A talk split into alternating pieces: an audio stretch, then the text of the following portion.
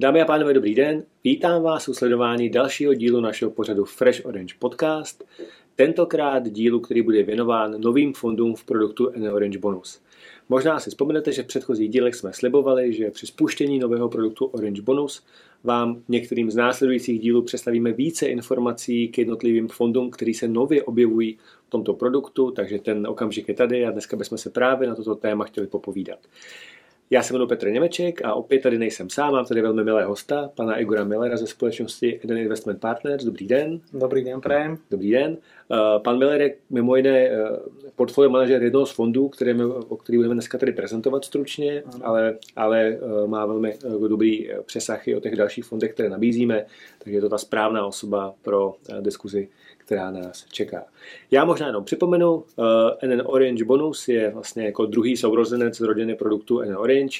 Je to investiční životní pojištění, ale my, jak říkáme, je to produkt, který není určen rozhodně k investování, ale je to produkt určený ke krytí rizik, ale nabízí uh, k klientům možnost, aby si ovlivnili, uh, do jakých fondů bude pojišťovna investovat a budou jejich prostředky alokovány. A potom, když eh, se postupně pojišťovna strhává přirozené pojistné, tak ty prostředky, eh, které tam mezi tím zůstávají, tak se mohou prostě eh, zhodnocovat tak, jak oni si přejí. Tak, ještě jednou děkuji za čas, který jste si udělal a pojďme se možná podívat, jaké nové fondy nás čekají. Já to vemu stručně. Máme tři nové fondy. Fond, máme konzervativní strategii, vyváženou strategii a dynamickou indexovou strategii. Já možná uh, bych začal od konce a šel bych rovnou k té dynamické indexové strategii, protože to je uh, ty jako dynamické uh, investice, to, co zprostředkovatele velmi často, velmi často zajímá. A jestli vás můžu poprosit, jestli byste mohl představit uh, fond, který vlastně nově v rámci této strategie uh, mohou naši klienti využívat. Tak ja ďakujem za pozvanie. E, súhlasím s tým, že treba začínať dynamickými vecami. Myslím, že žijeme v takej dobe. Takže e, táto, táto indexová stratégia je v podstate veľmi jednoduchá. Má v sebe iba jeden fond a ten fond e, sa skladá z NN Global Enhanced Index Sustainability Equity. Čo to znamená? Je to pomerne dlhý názov, ale v podstate je to fond, ktorý sa snaží kopírovať a a dosiahnuť výnos e, svetových akcií. To znamená, že ide podľa indexu MSCI World, e, konkrétne MSCI World Sustainable Indexu a e, výhoda tohto, tohto fondu je taká, že má veľmi nízke náklady a veľmi sa podobá v podstate indexovým fondom známym aj pod skratkou ETF, ale s tým rozdielom, že je aktívne spravovaný. Čo to znamená? To je to, je to že my, my tam naozaj aktívne vyberáme a nakupujeme spoločnosti, ktoré sú v tom globálnom indexe. A e, ten investor sa vlastne vyvaruje riziku e, uložiť svoje peniaze len u nejakého jedného emitenta, ktorý väčšinou sú za týmito ETF-kami, to znamená, že to není taký ten klasický ETF-kový produkt, je to v skutočnosti aktívne spravovaný fond za poplatky, ktoré sú veľmi konkurencieschopné uh-huh. a si myslím, že sú aj nižšie než pri mhm. niektorých ETF fondoch, ktoré môžu mať skryté tieto poplatky uh-huh. v rôznych formách. Tu je to, myslím, velmi transparentné. Já možná jenom doplním, e, tam jak už ty posluchači, kteří by chtěli vědět víc informací a tak mají možnost se podívat na, na YouTube, vlastně máme tady součástí prezentace a tam můžeme jako vidět i uvádíme TER, který u tohoto fondu je, myslím, že ta hodnota, která je tam uvedena, je velmi zajímavá, 0,21 eh, eh, procentního bodu, to je jako velice, velice jako konkurenceschopná hodnota, takže to určitě jako podporuje to, co říkáte. Já se možná ještě k tomu zeptám, vy jste říkal, že to je aktivně zpravovaný fond, který vlastně kopíruje trošku takovou tu indexovou strategii. Možná jenom jestli, jako v čem je ten rozdíl proti té čisté, kromě toho, že teda kupuje konkrétní akcie, ale v čem je ještě ten rozdíl eh, v tom výběru proti tomu benchmarku, který sleduje? Rozdiel je v podstate veľmi jednoduchý. Tá, to pasívne investovanie znamená, že to ide nejaký robot, ktorý nakupuje e, a prevažuje ten fond podľa toho, ako sa vyvíja ten index. E, do indexu sa rôzne pridávajú a odberajú e, akcie spoločnosťou MSCI, e, ktorá robí, ktorá robí tú selekciu, ale nedíva sa už na samotné fungovanie tých jednotlivých firiem. Eh, portfólio manažery naopak majú tú možnosť, že z celej, celej škály tých investícií, ktoré v tom, eh, v tom indexe sú, tak vlastne oni sa môžu do istej miery odchýliť a vybrať si možno tie lepšie, po prípade podvážiť tie horšie. Takže sa, takže sa častokrát môže stať, že vlastne ako tým svojim e, celkovým výkonom presiahne e, tú výkonnosť toho, toho, toho indexu a tým pádom vlastne mám zaplatiť tie náklady.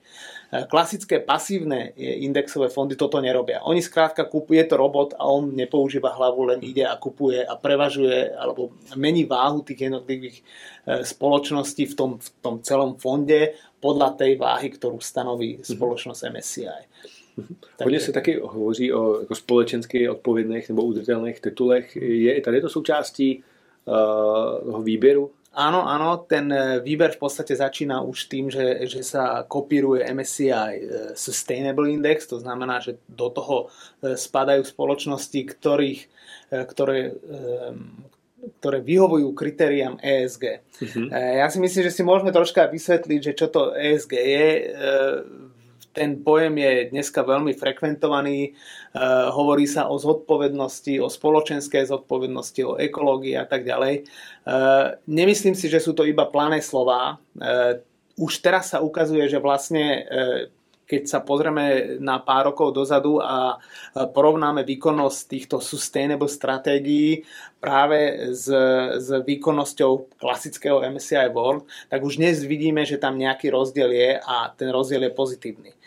A e, vychádza sa hlavne z toho, že okrem toho, že sa vždycky aktívne portfólio manažery zaujímajú o zisk, to znamená, koľko bude mať e, ten jednotlivý akcionár na konci roku, jak sa spoločnosti darí, tak e, v minulosti sa moc nehľadelo na to, akým spôsobom dosiahne toho dobrého alebo niekedy aj zlého výsledku, ale väčšinou dobrého.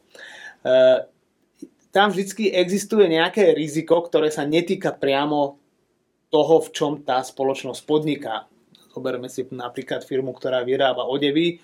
Um, investujú sa e, do, do takéto firmy e, prostriedky, pretože verím, že oni budú schopní expandovať po celom svete, ich kolekcia je úžasná, moderná a ľudia si to kupujú. Ale v minulosti sa v podstate neprihľadalo na to, akým spôsobom ten svoj biznis robia.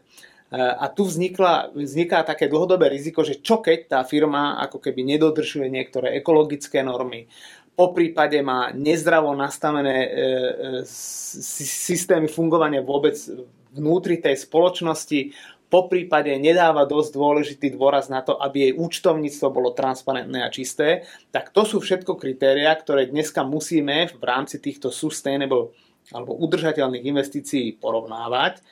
A v momente, keď nám tam vyskočí, že tá, tá daná firma nerobí niečo dobré, tak ju vlastne vyčleníme, respektíve táto firma dosiahne nízkeho skóre a tým pádom sa nekvalifikuje na to, aby mohla vlastne akože byť našou investíciou alebo investíciou tohto konkrétneho fondu.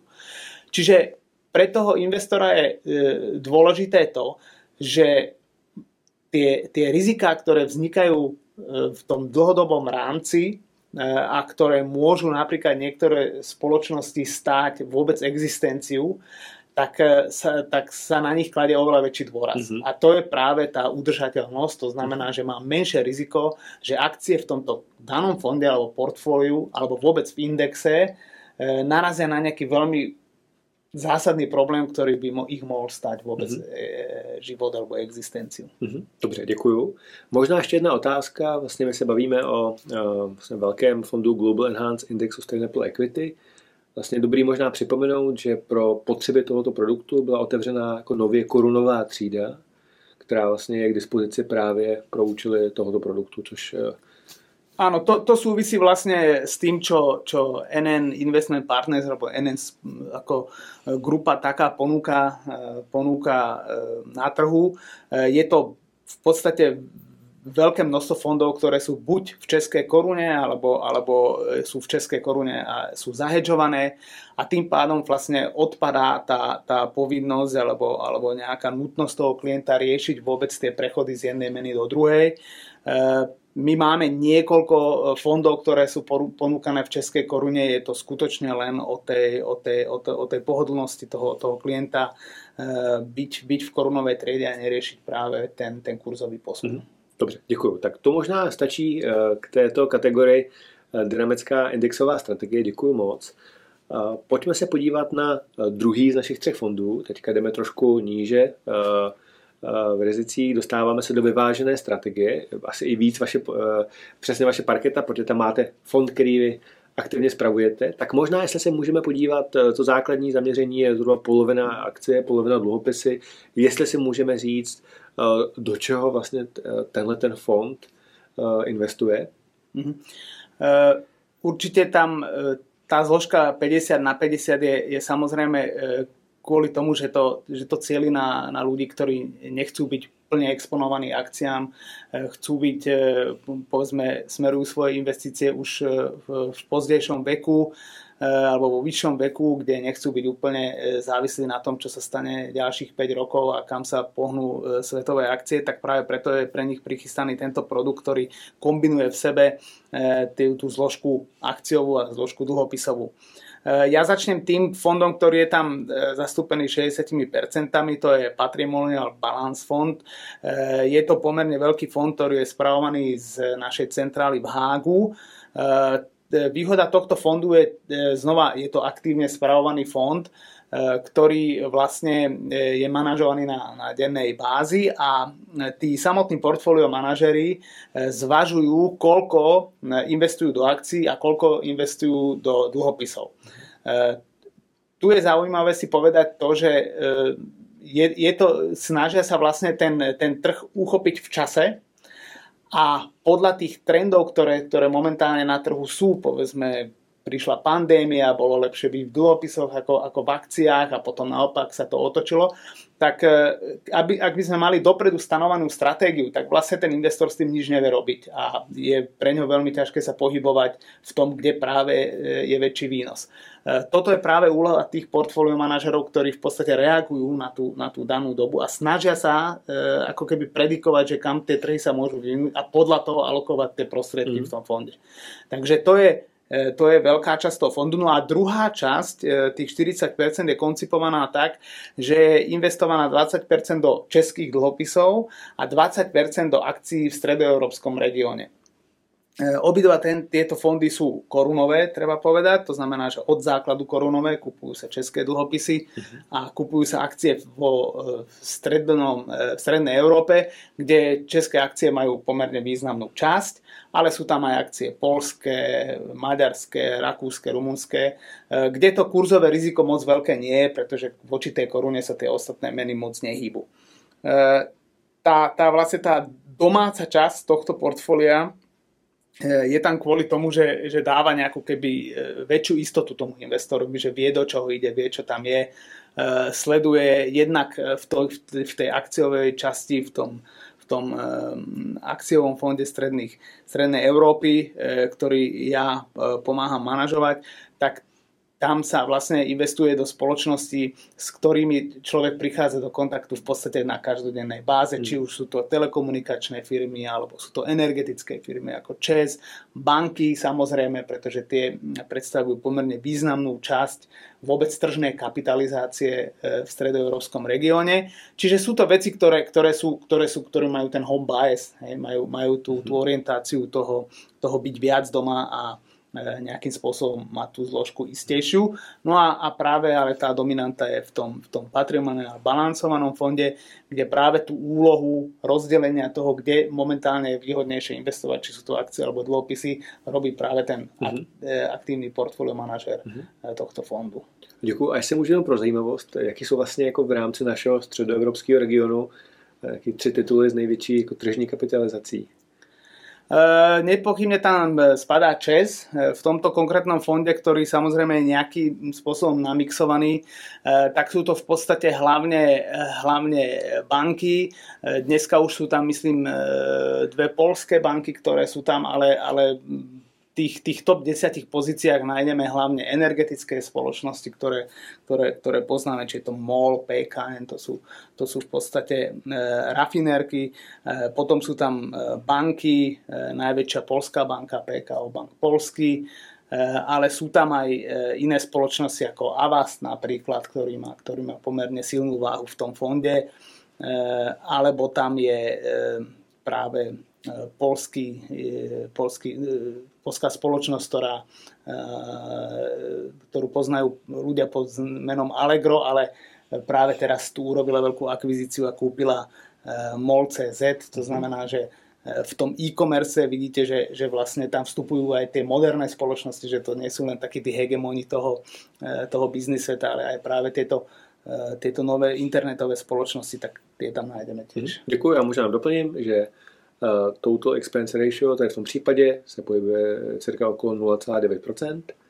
A teďka na závěr pojďme se podívat na ten bych, nejvíc konzervativní fond z těch tří. Je to uh, konzervativní strategie, ten cílový uh, zastoupení je zhruba 25% akcie, 75% dluhopisy. Jestli máš, můžu poprosit opět o nějaké stručné představení Eh, stavebních kamenů tohoto, tohoto fondu? Tak už, už z, názvu vyplýva, že, že tej akciovej zložky tam bude, veľ, bude pomerne málo, je to len jedna štvrtina.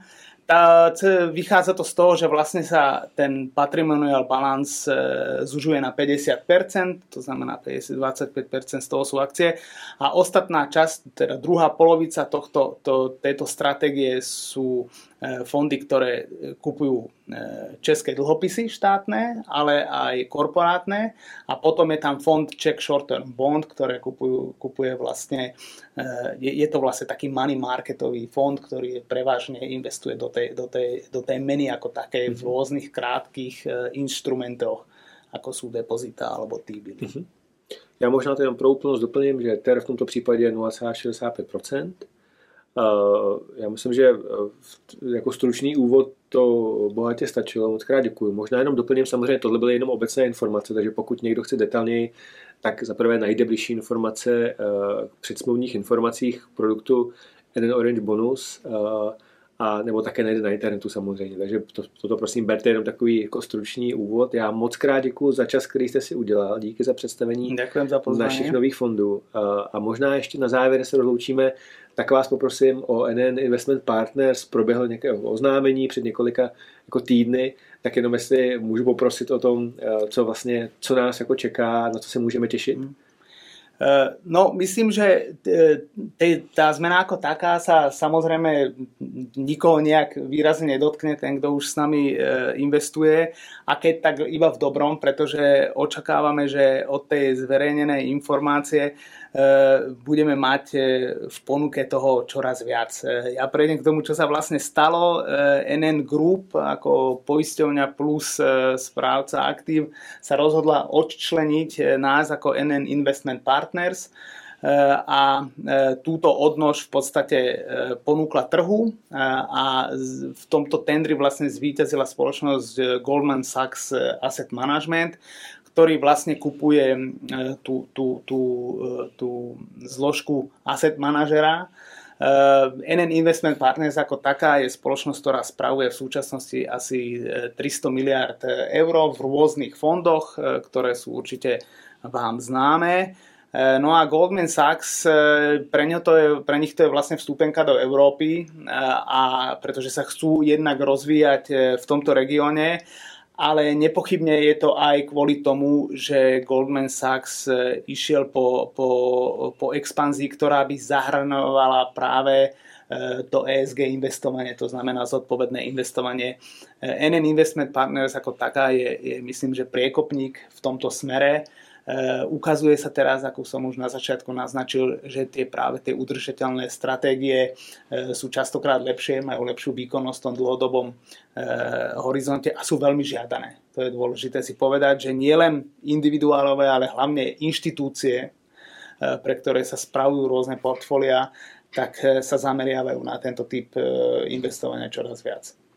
No a čo sa týka zmeny samotné, tak to otvára samozrejme cestu k tomu, že Goldman Eh, Sachs ako firma ako taká má, má veľmi, veľmi dlhú radu eh, rôznych možností investovania, hlavne v alternatívnych produktoch alebo, alebo priamo v Spojených štátoch, kde majú rôzne fondy, takže tá škála toho produktu bude určite väčšia a myslím, že to je zmena pozitívna. Tak se budeme těšit. Já ještě jednou moc krát děkuji za to, že jste si udělal čas a přišel dneska k nám do našeho pořadu Fresh Orange Podcast. Divákům děkuji za pozornost. Připomínám, pokud si nechcete nechat ujít žádný z dalších dílů, můžete se přihlásit k odběru vašich oblíbených podcastových aplikacích a my se těšíme na sledování, na setkání u dalšího dílu. Děkujeme a hezký den. Naschledanou. Děkujeme. Naschledanou. Thank you.